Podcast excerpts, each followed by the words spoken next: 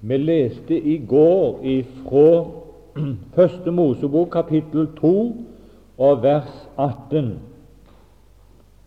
Og det er det verset som vi hovedsakelig kommer til å oppholde oss med i de timene som vi skulle få ha her.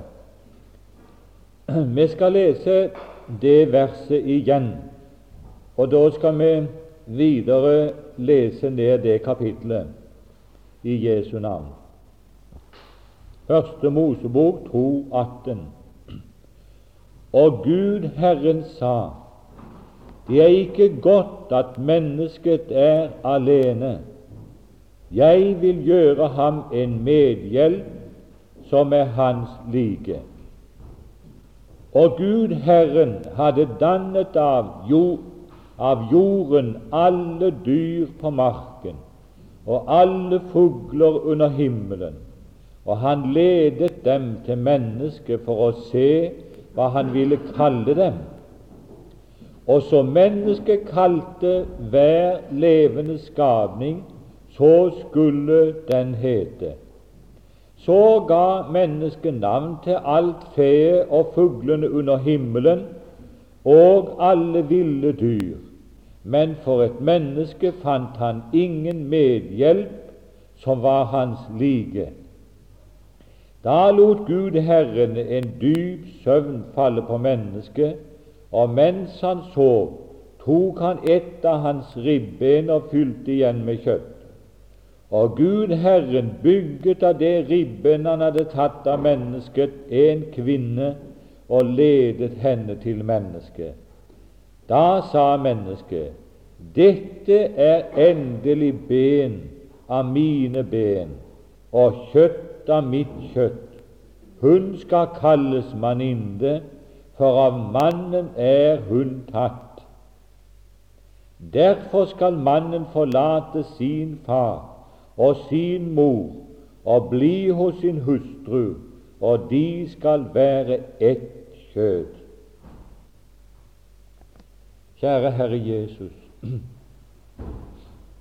takk for meg igjen samla her for å høre ditt ord, og vi får tro det at vi er under din hellige ånds ledelse.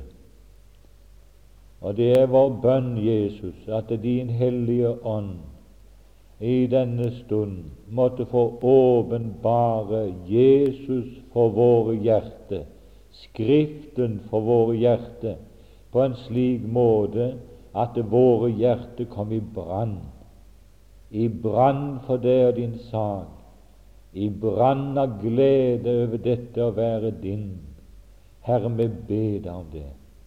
Herre Jesus, vi vil anbefale denne stunda i dine hender, i forventning av at du kan gjøre langt mer med oss enn vi forstår og beder om. Herre, la det skje for ditt navns skyld. Amen.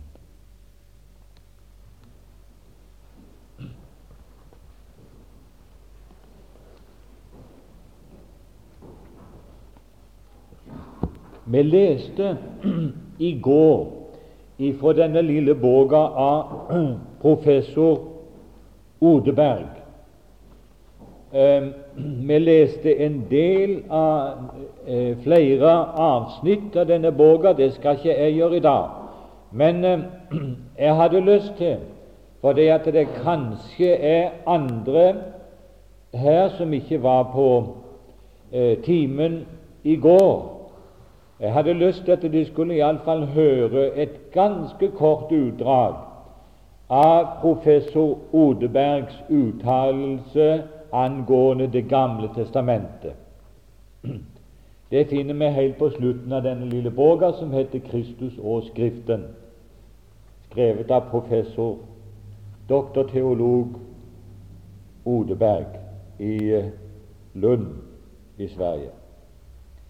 Hele Det nye testamentet angir at Det gamle testamentets utsagn ikke bare innebærer hva den rent epiboliske ytre mening gir uttrykk for, dvs. Si den som ikke er avhengig av den bokstavelige forståelse, men at, over, at det overalt finnes en dypere mening.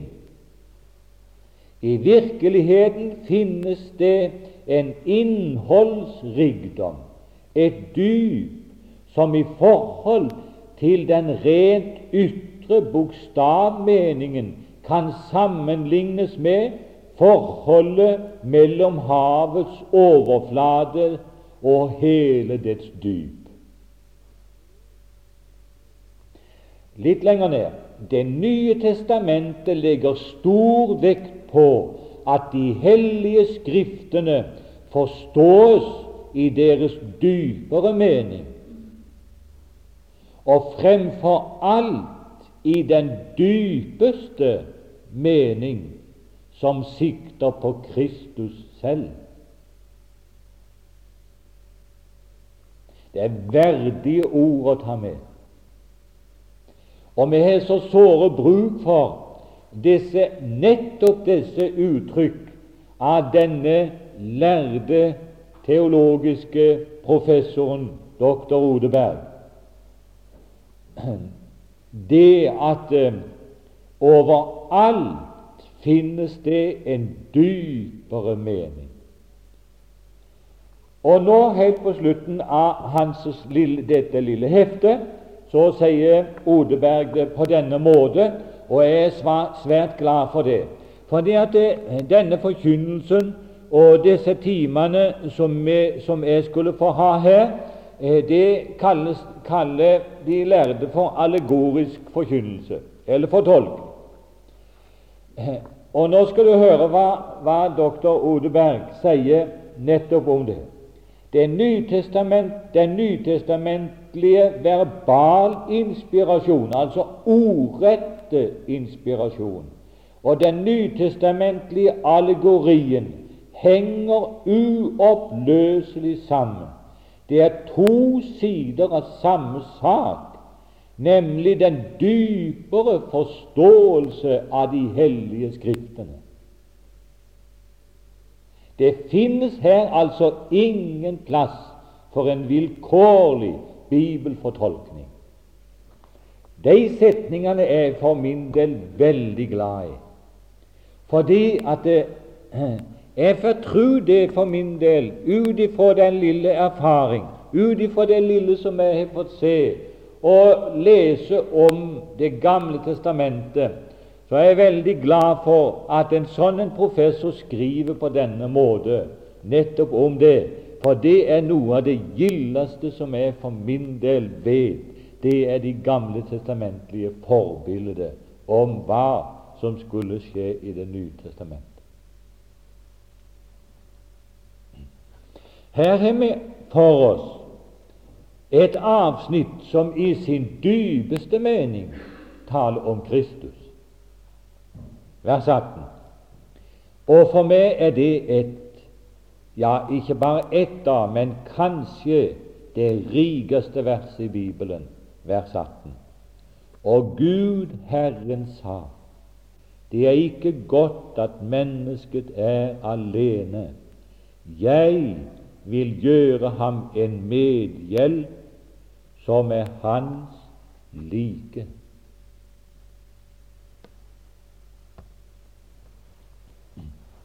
Det var en som sa til meg i går at jeg måtte gire ned på farten.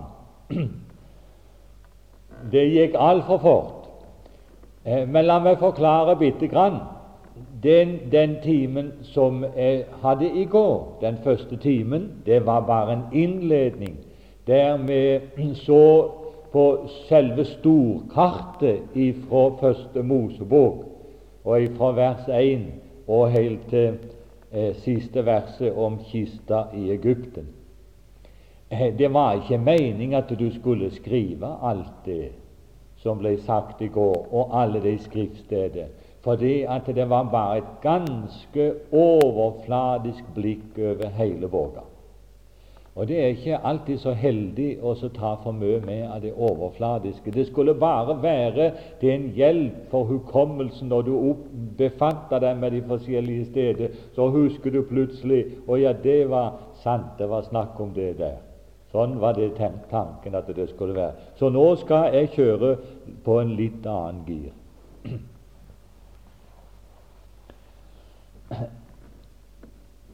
Det første vi da skal nevne, er at menigheten er den første i Guds tanke.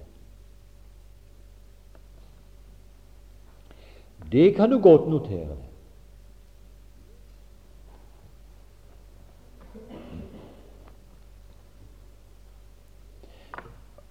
Det er en sannhet som om igjen og om igjen kommer fram i Bibelen. Gjennom forbildet. For eksempel, som vi talte om i går, for eksempel ifra eh, Isaks historie før Ketura fikk sin endelige plass ved Abrahams side. Kvinnen som skulle føde Abraham mange sønner. Det taler om Israel i fremtiden. Israel i, sammen med Gud, opptatt i Guds pakts husholdning på ny i framtiden. Da skal Israel føde Gud, for å holde oss i bildet, mange sønner slik som kultur. Sara derimot, som hadde en kortvarig forbindelse med Abraham Hun fødte Abraham én sønn, Isak. Og det skjedde på guddommelig vis. Men det ble bare den ene sønnen, og så døde Sara. Det, den oppgaven har allerede Israel hatt. Israel fødte én sønn inn i denne verden som Gud kunne bruke, Jesus. Ketura, eh, som kommer inn i bildet etter at Isak har fått sin Rebekka, skal som sagt føde mange sønner. Da skal Israel bli til velsignelse, ifølge Romerbrevet 11, for hele verden. Når deres forkastelse er blitt til frelse for hedningene, hva skal da deres antagelse bli? Og Romerbrevet forteller meg det, og mange andre steder forteller meg det. Det skal bli til velsignelse for hele verden. Men hør Før det skjer, så har altså Isak fått sin Rebekka og Rebekka var den første i Guds tanke, eller menigheten var den første i Guds tanke. Du kan lese også det fra Josefs historie, som jeg pekte på i går. Mens han enda var i Egypten, så var han Sofnat Panea, dvs. Si verdens livsfyrste, eller verdens frelser. Og der fikk han Asna til hustru, prestedatteren i On, som igjen er et bilde på at Jesus skal få sin brud før Israel igjen skal opptas i Guds pakt og husholdning. Det er kronologien som Gud viser oss angående disse tingene her. Vi kan slå opp for å få dette stadfesta også gjennom profetiske ord ifra Lukas evangeliet kapittel 2 og vers 32. Lukas 2, 32. Og det er profetert, tror jeg jeg kan si, av en mann som var tatt direkte i bruk av Den hellige ånd. Lukas 2, 32.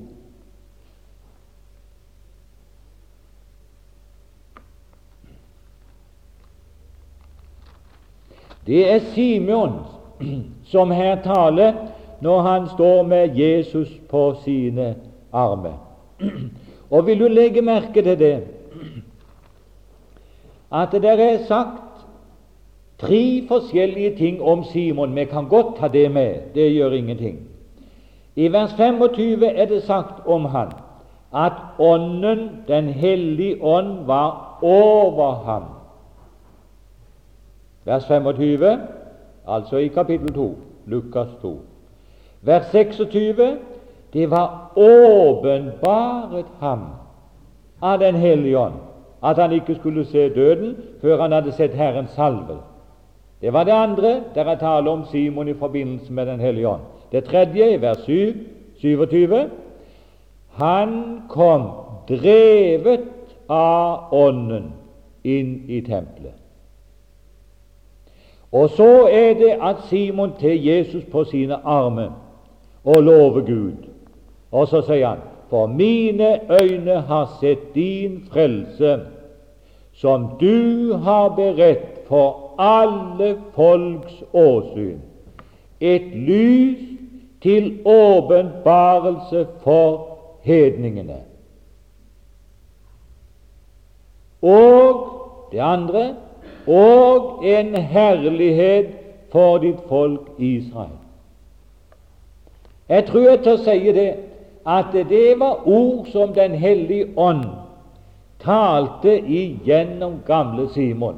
Han var sikkert seg sjøl ikke bevisst at han talte profetisk, helt motsatt av hva den jødiske eller israelske oppfatning var av Jesu åpenbarelse her i verden.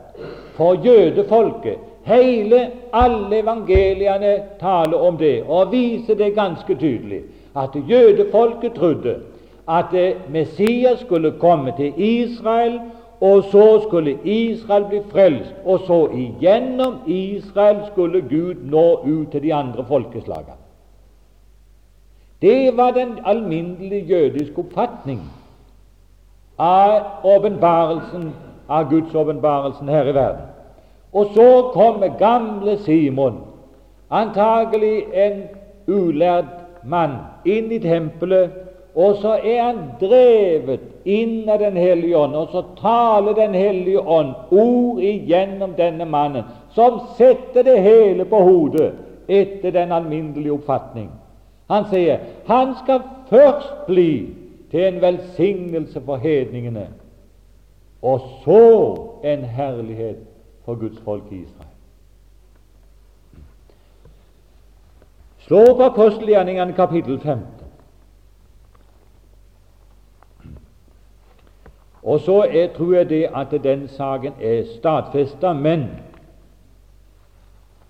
det er nødvendig å ha det med, slik at vi får den rette orden når det gjelder Guds åpenbarelsen her i verden. For jeg er aldri tvil om at det her kommer til å stå Her er stått mange en strid nettopp om disse sannheter her, og det er sikkert ikke utkjempa den siste strid i den forbindelse. Det kan du være ganske klar over.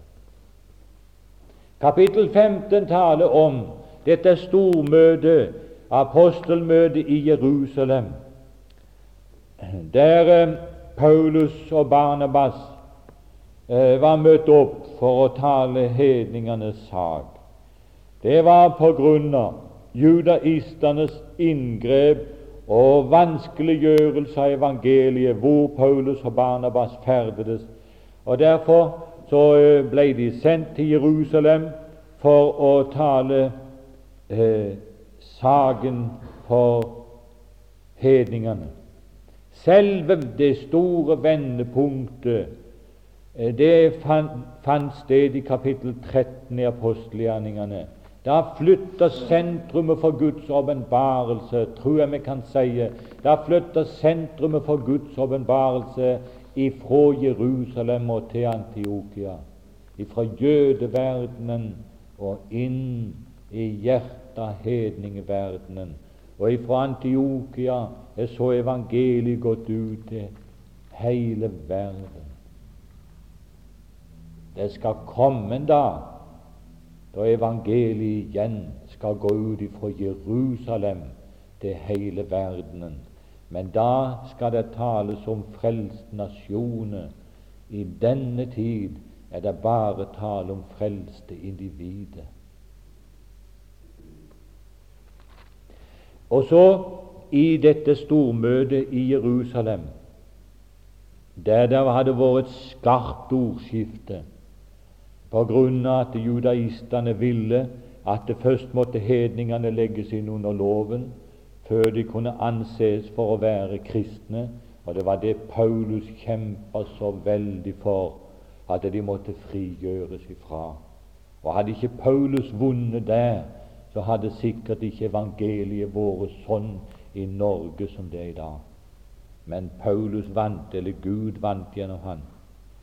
Og da er det at eh, Jakob, som da er biskop i Jerusalem, uttaler disse eh, mektige og dynamiske ordene ifra vers 13, apostelgjerningene 15.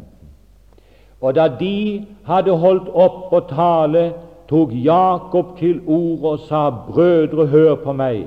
Simon har fortalt hvorledes Gud fra først av dro omsorg for å få et folk av hedninger for sitt navn. Skal du høre? Og dermed, sier Jakob, og dermed stemmer profeternes ord overens, således som det er skrevet.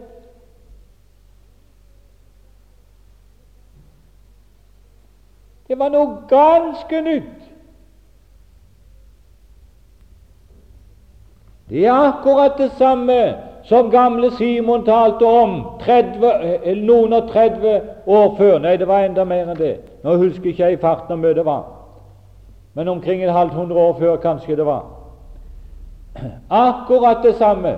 Først en herlighet eller en velsignelse for hedningene, og så etterpå det en herlighet for hans folk i Israel.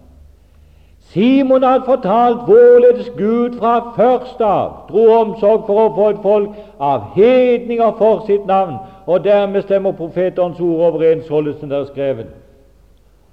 Derefter vil jeg vende tilbake og igjen oppbygge Davids falne hytte, og det nedbrutte av den vil jeg atter oppbygge, og jeg vil igjen oppreise den. Og så kommer det tredje for at alle andre mennesker skal søke Herren. Ja, alle hedningefolkene som mitt navn er blitt nevnt over, sier Herren, som gjør dette, som er kjent av ham fra evighet av.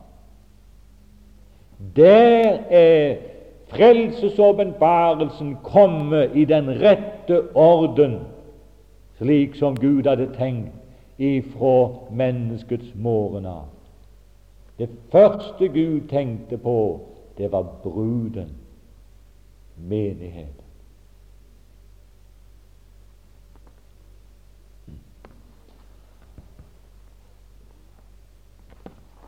Og så skal vi gå tilbake igjen og se litt på det som er sagt i vers 18 og prøve å finne iallfall noe av den dypere mening. Og det er sant. Jo mer vi får se, jo mer skjønner vi at vi forstår så bitte lite. Men la oss se litt mer på vers 18. Og Gud, Herren, sa det er ikke godt at mennesket er alene. Jeg vil gjøre ham en medhjelp som er hans like.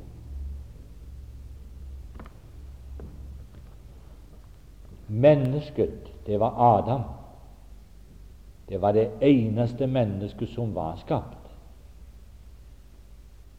Han var det eneste vesen som hadde fått Guds livs ånde inn i sitt legeme.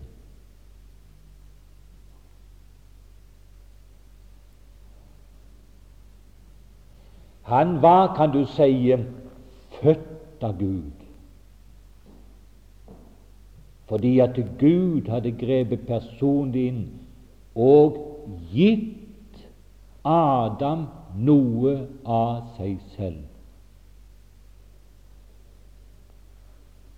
Derfor sto Adam i en fullstendig særstilling i forhold til alt det andre skapte. Og Derfor er det det kommer fram litt lenger ned. Derfor leste vi de andre versene her om når alle de forskjellige dyrene passerte forbi, og det var ingen som var hans like. Han var alene. Det første vi da skal se på, det er at Adam står her som et forbilde på Jesus. Romerne 5,14.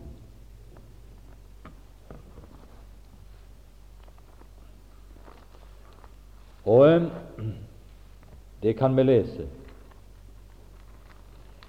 Her er noe, noe apparatet som sviver her, så det er visst best at jeg leser det slik at, det, at det lydbåndet blir litt mer fullstendig, tror jeg.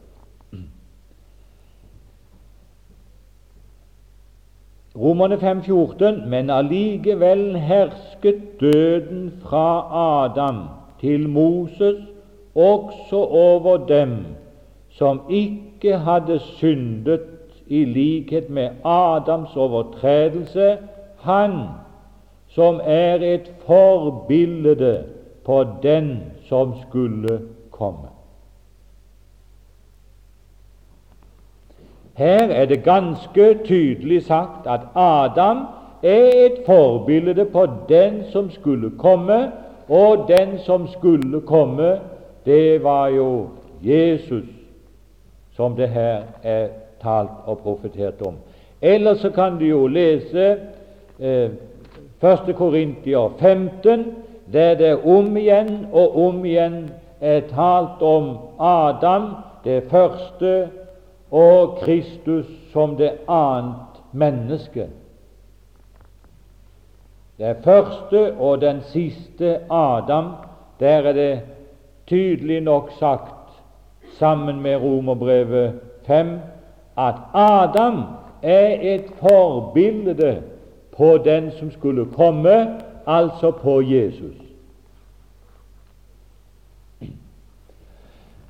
Og I den forbindelse er det at vi må se litt mer på Jesus og hans forhold og her finner vi i sannhet en dypere mening, som Odeberg sa. Tenk nå på det.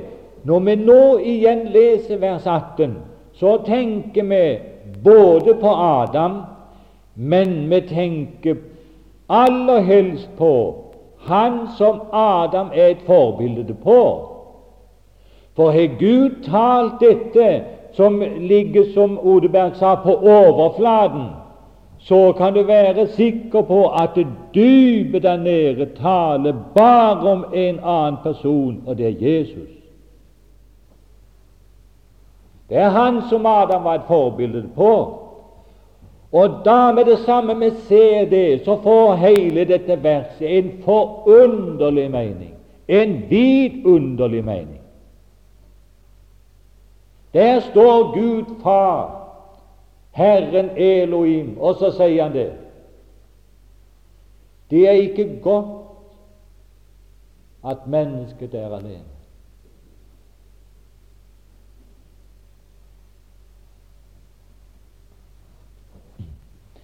Er det noen de satte inn i den tilstand som Jesus levde i? før verden ble skapt.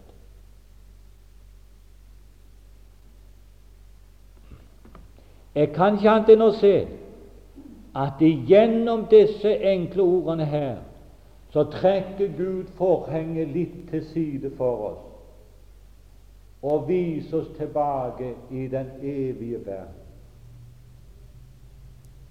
Hva som skjedde før han talte og det skjedde, før kloden ble dannet, før mennesket ble satt inn der, så var det skjedd noe før.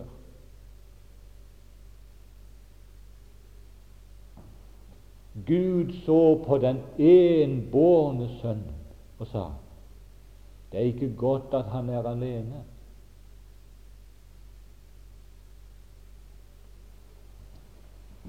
Der er Bibelen taler om tusener, titusener av engler han taler, Bibelen taler Hvis du leser Kolossenserbrevet 1 f.eks., og mange andre steder, så vil du se at det Bibelen taler om flere makter og myndigheter og herrevelde i den usynlige verden enn han taler om i den synlige verden. Så vi skjønner det at eh, herligheten, eller evigheten, er befolka av vesenet, av makter, av myndigheter som er langt mer tallrike enn menneskeslekten. Og Når du leser om de usynlige ting, så vil du se det at de er mer tallrike enn de synlige ting. Det er tale om engler, det er tale om krefter, det er tale om makt, makter, der er tale om myndigheter, der er tale om herrevelde, der er tale om kerube, der er tale om overengler, og sånn kan du holde på. Og tenk deg nå til, inni denne veldige skare av skapte vesener, noen som var skapt lenge før jorda var danna, lenge før et menneske hadde sett dagens lys, så var alt dette skapt Ingen vet når. Vi vet bare at det var der. Vi vet bare at alt er blitt til ved ham. Men midt inni alle disse skapte vesener, dette myriadet, dette mylder, så er det bare én som er sønn, og det er Jesus.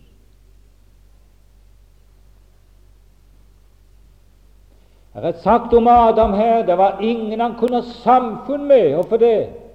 Fordi at de var så vidt forskjellig kommet inn på arenaen, for å bruke det uttrykket.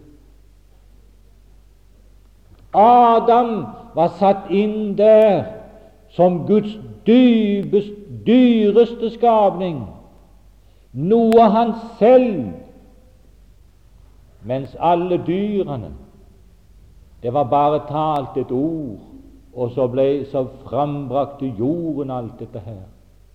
Men resultatet var det var ingen det var ingen som Adam kunne ha samfunn med i dypeste forstand. Du kan bli glad i et dyr. Det kan du. Du kan bli glad i en hund. Du kan bli glad i en fugl til og med. Du kan bli glad i, i, i en hest og forskjellige sånn. Og noen har skjøtehund istedenfor barn, osv. borti igjen. Det er kanskje mindre brysomt, jeg vet ikke hvorfor det er sånn, men sånn er det iallfall. Du kan nok bli glad i disse dyrene, men det er én ting som du aldri kan. Du kan aldri ha samfunn med dyr. Helt umulig. For vi, vi står på så vidt forskjellig plan. Kan det hende at en dyr kan forstå det? Han kan dresseres opp, en hest, til å forstå når du trekker tøylen på den sida eller sier noe til ham. Det kan Men samfunn kan det aldri bli. Han sa det han sa det en gang eh, Aurebekk, og det, det er jo så betegnende. Han sa det at det er hunden min, sa han, for han var jo sauegjeter ei stund og lå inn på fjellet og gjette sauer. Jeg tror ikke det er en hund i verden sant, som har vært med på så mange bønnemøter som den hunden der. Men sa han, som regel så lå han under senga og sov. Hadde ikke mer vett på det enn så. Du tenk, tenk deg litt inn i det her. Der gikk den ene sønnen. Han hadde fått noe som ingen av de andre, om det var engler, om det var overengler, om det var kerube, makt eller myndighet eller hva det var, var ingen som sto på det trinnet som han. Hør! Det var ingen han kunne ha samfunn med.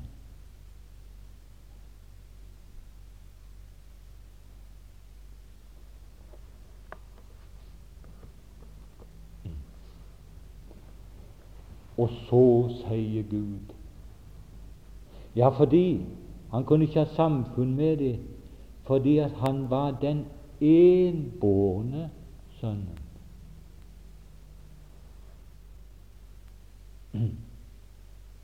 Johannes 1, 18, der er det sagt. Johannes 3, 16, 1. Johannes 4, 9, hvis du noterer. Johannes 1, 18, Johannes 3, 16, 1. Johannes 4, 9. Der er det tale om den enbårne sønnen.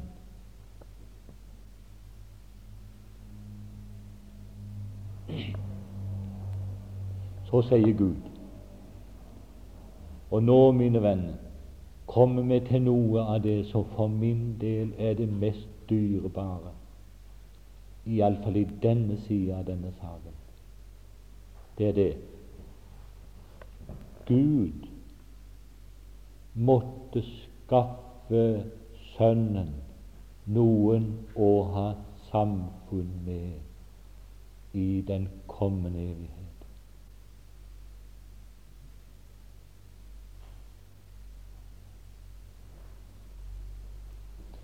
Og på hvilken måte kunne det skje? Var bare én måte. Bare én måte. Det var det at mennesket fikk noe av ham selv.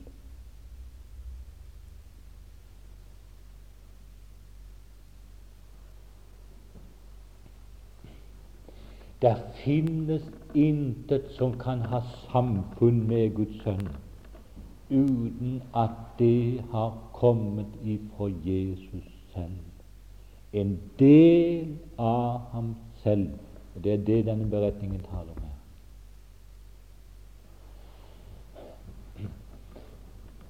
Jeg begynner å ane for min del.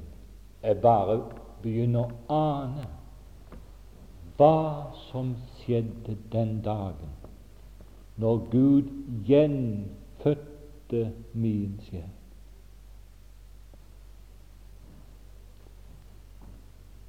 Det var noe av himmelen, ikke bare av himmelen, men av Gud selv, som flytta inn i mitt liv. Og Det blir nødt til å være det. Ellers vil aldri Arne og ingen av de andre i evighet få samfunn med Han. Det som skal komme til himmelen, må være kommet ifra himmelen. Det er det det er tale om her. Og hør, mine venn, Guds hensikt med å la Sønnen få noen å ha samfunn med,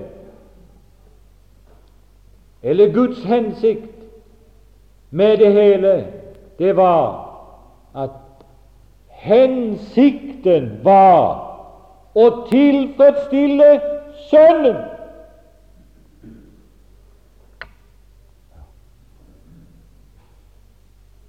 Det er det første Bibelen taler om når det gjelder ditt og mitt forhold til Guds frelse og alt det som måtte skje for å skaffe denne frelse til veie. Det var hensynet til den enbårne Sønnen. Og Det skal vi komme inn på seinere. Gud måtte gjøre det ved at alle de andre sønner og døtre ble født på samme måte som han.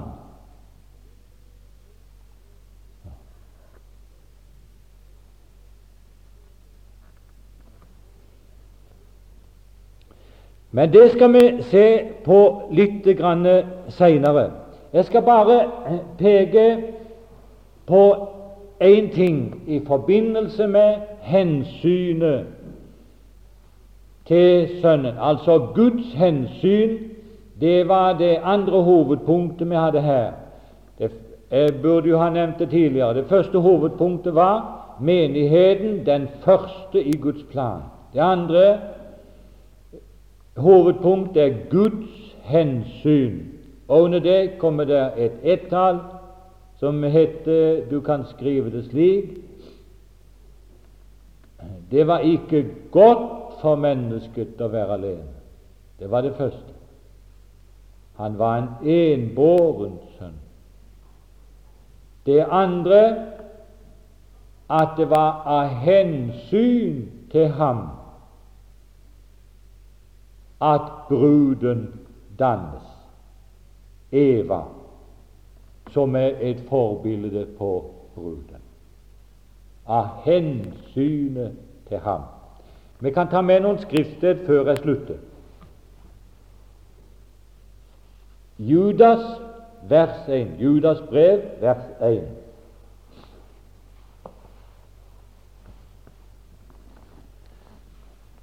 Når vi leser det skriftstedet sammen med de mange andre, så skjønner vi det at hovedhensikten for Gud det er å skaffe Sønnen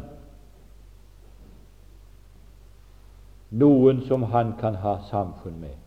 Judas, Jesu Kristi tjener og Jakobs bror, til de kalte som er elsket i Gud Fader og bevart for Jesus Kristus.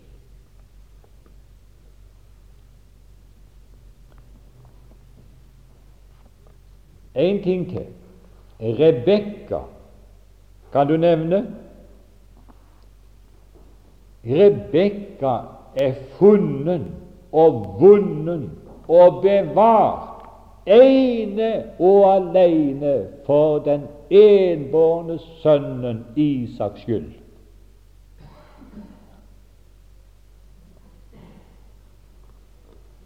Rebekka. Det tredje er notert med her, 1. Korintier 11,9. 1. Korintier 11,9. Vi, eh, vi kan lese det.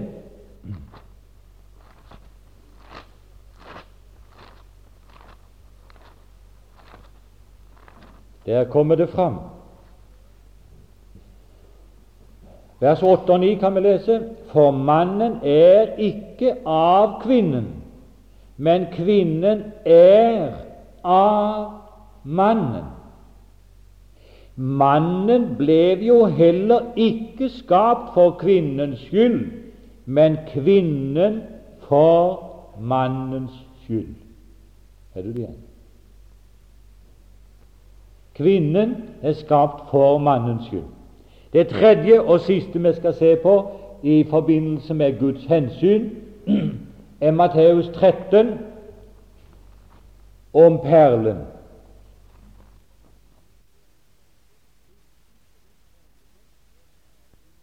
Den alminnelige forkynnelse, kirkelig forkynnelse iallfall, den gjenger ut på at det er Kristus som er perlen, men jeg tror nok det at i denne forsamlingen her så tror jeg at vi eh, nokså fort kan bli enige om at det er menigheten som er perlen.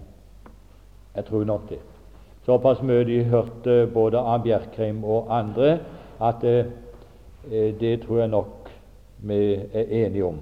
Vers 45 og 46. Atter er himlenes rike likt en kjøpmann som søkte etter gode perler, og da han fant en kostelig perle, gikk han bort og solgte alt det han hadde, og kjøpte den.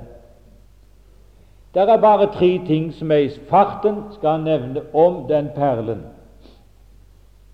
Det ene er perlen taler om menighetens enhet.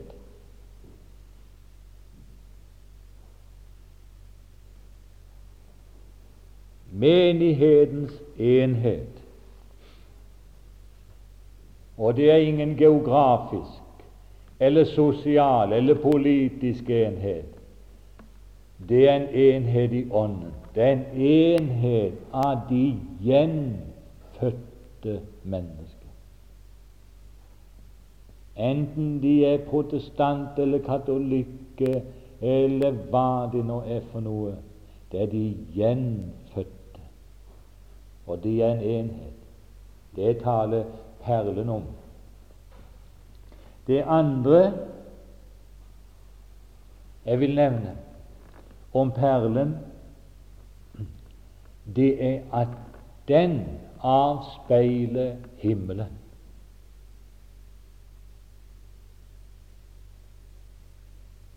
En vidunderlig avspeiling av himmelen finner du i perlen. Det tredje som jeg vil nevne om perlen, det er den er et smykke.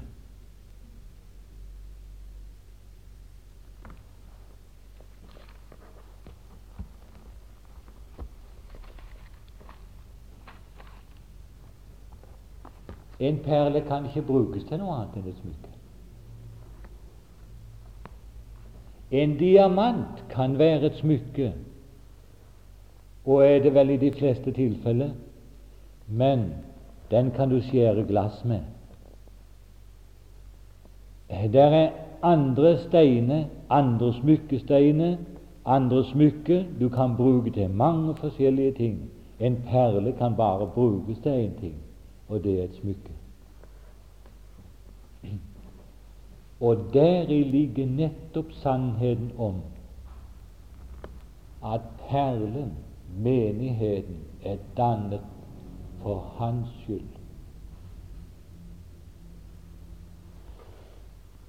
Men Vi har ikke tid til det, ellers så skulle vi ha sett på noen skriftsteder i forbindelse med det, men det får vi komme inn på seinere. Kjære Herre Jesus. Vil du nå, Herre, åpne vår forstand, vårt hjerte, slik at vi kan anamme noe av dette, Herre, slik at vi kan fryde oss i det, ikke bare fryde oss i det, men se den vidunderlige storhet i dette at du har frelst oss for Jesus skyld, for at vi i fremtiden i evigheten skal ha samfunn med din egen sønn. Herre, jeg ber deg om dette, slik at det kan være noe av den bærende kraft for oss gjennom dagliglivets mange svære vanskeligheter. Herre, jeg ber om dette i Jesu navn. Amen. Vi tar en liten pause, og så fortsetter da riket med sin tid.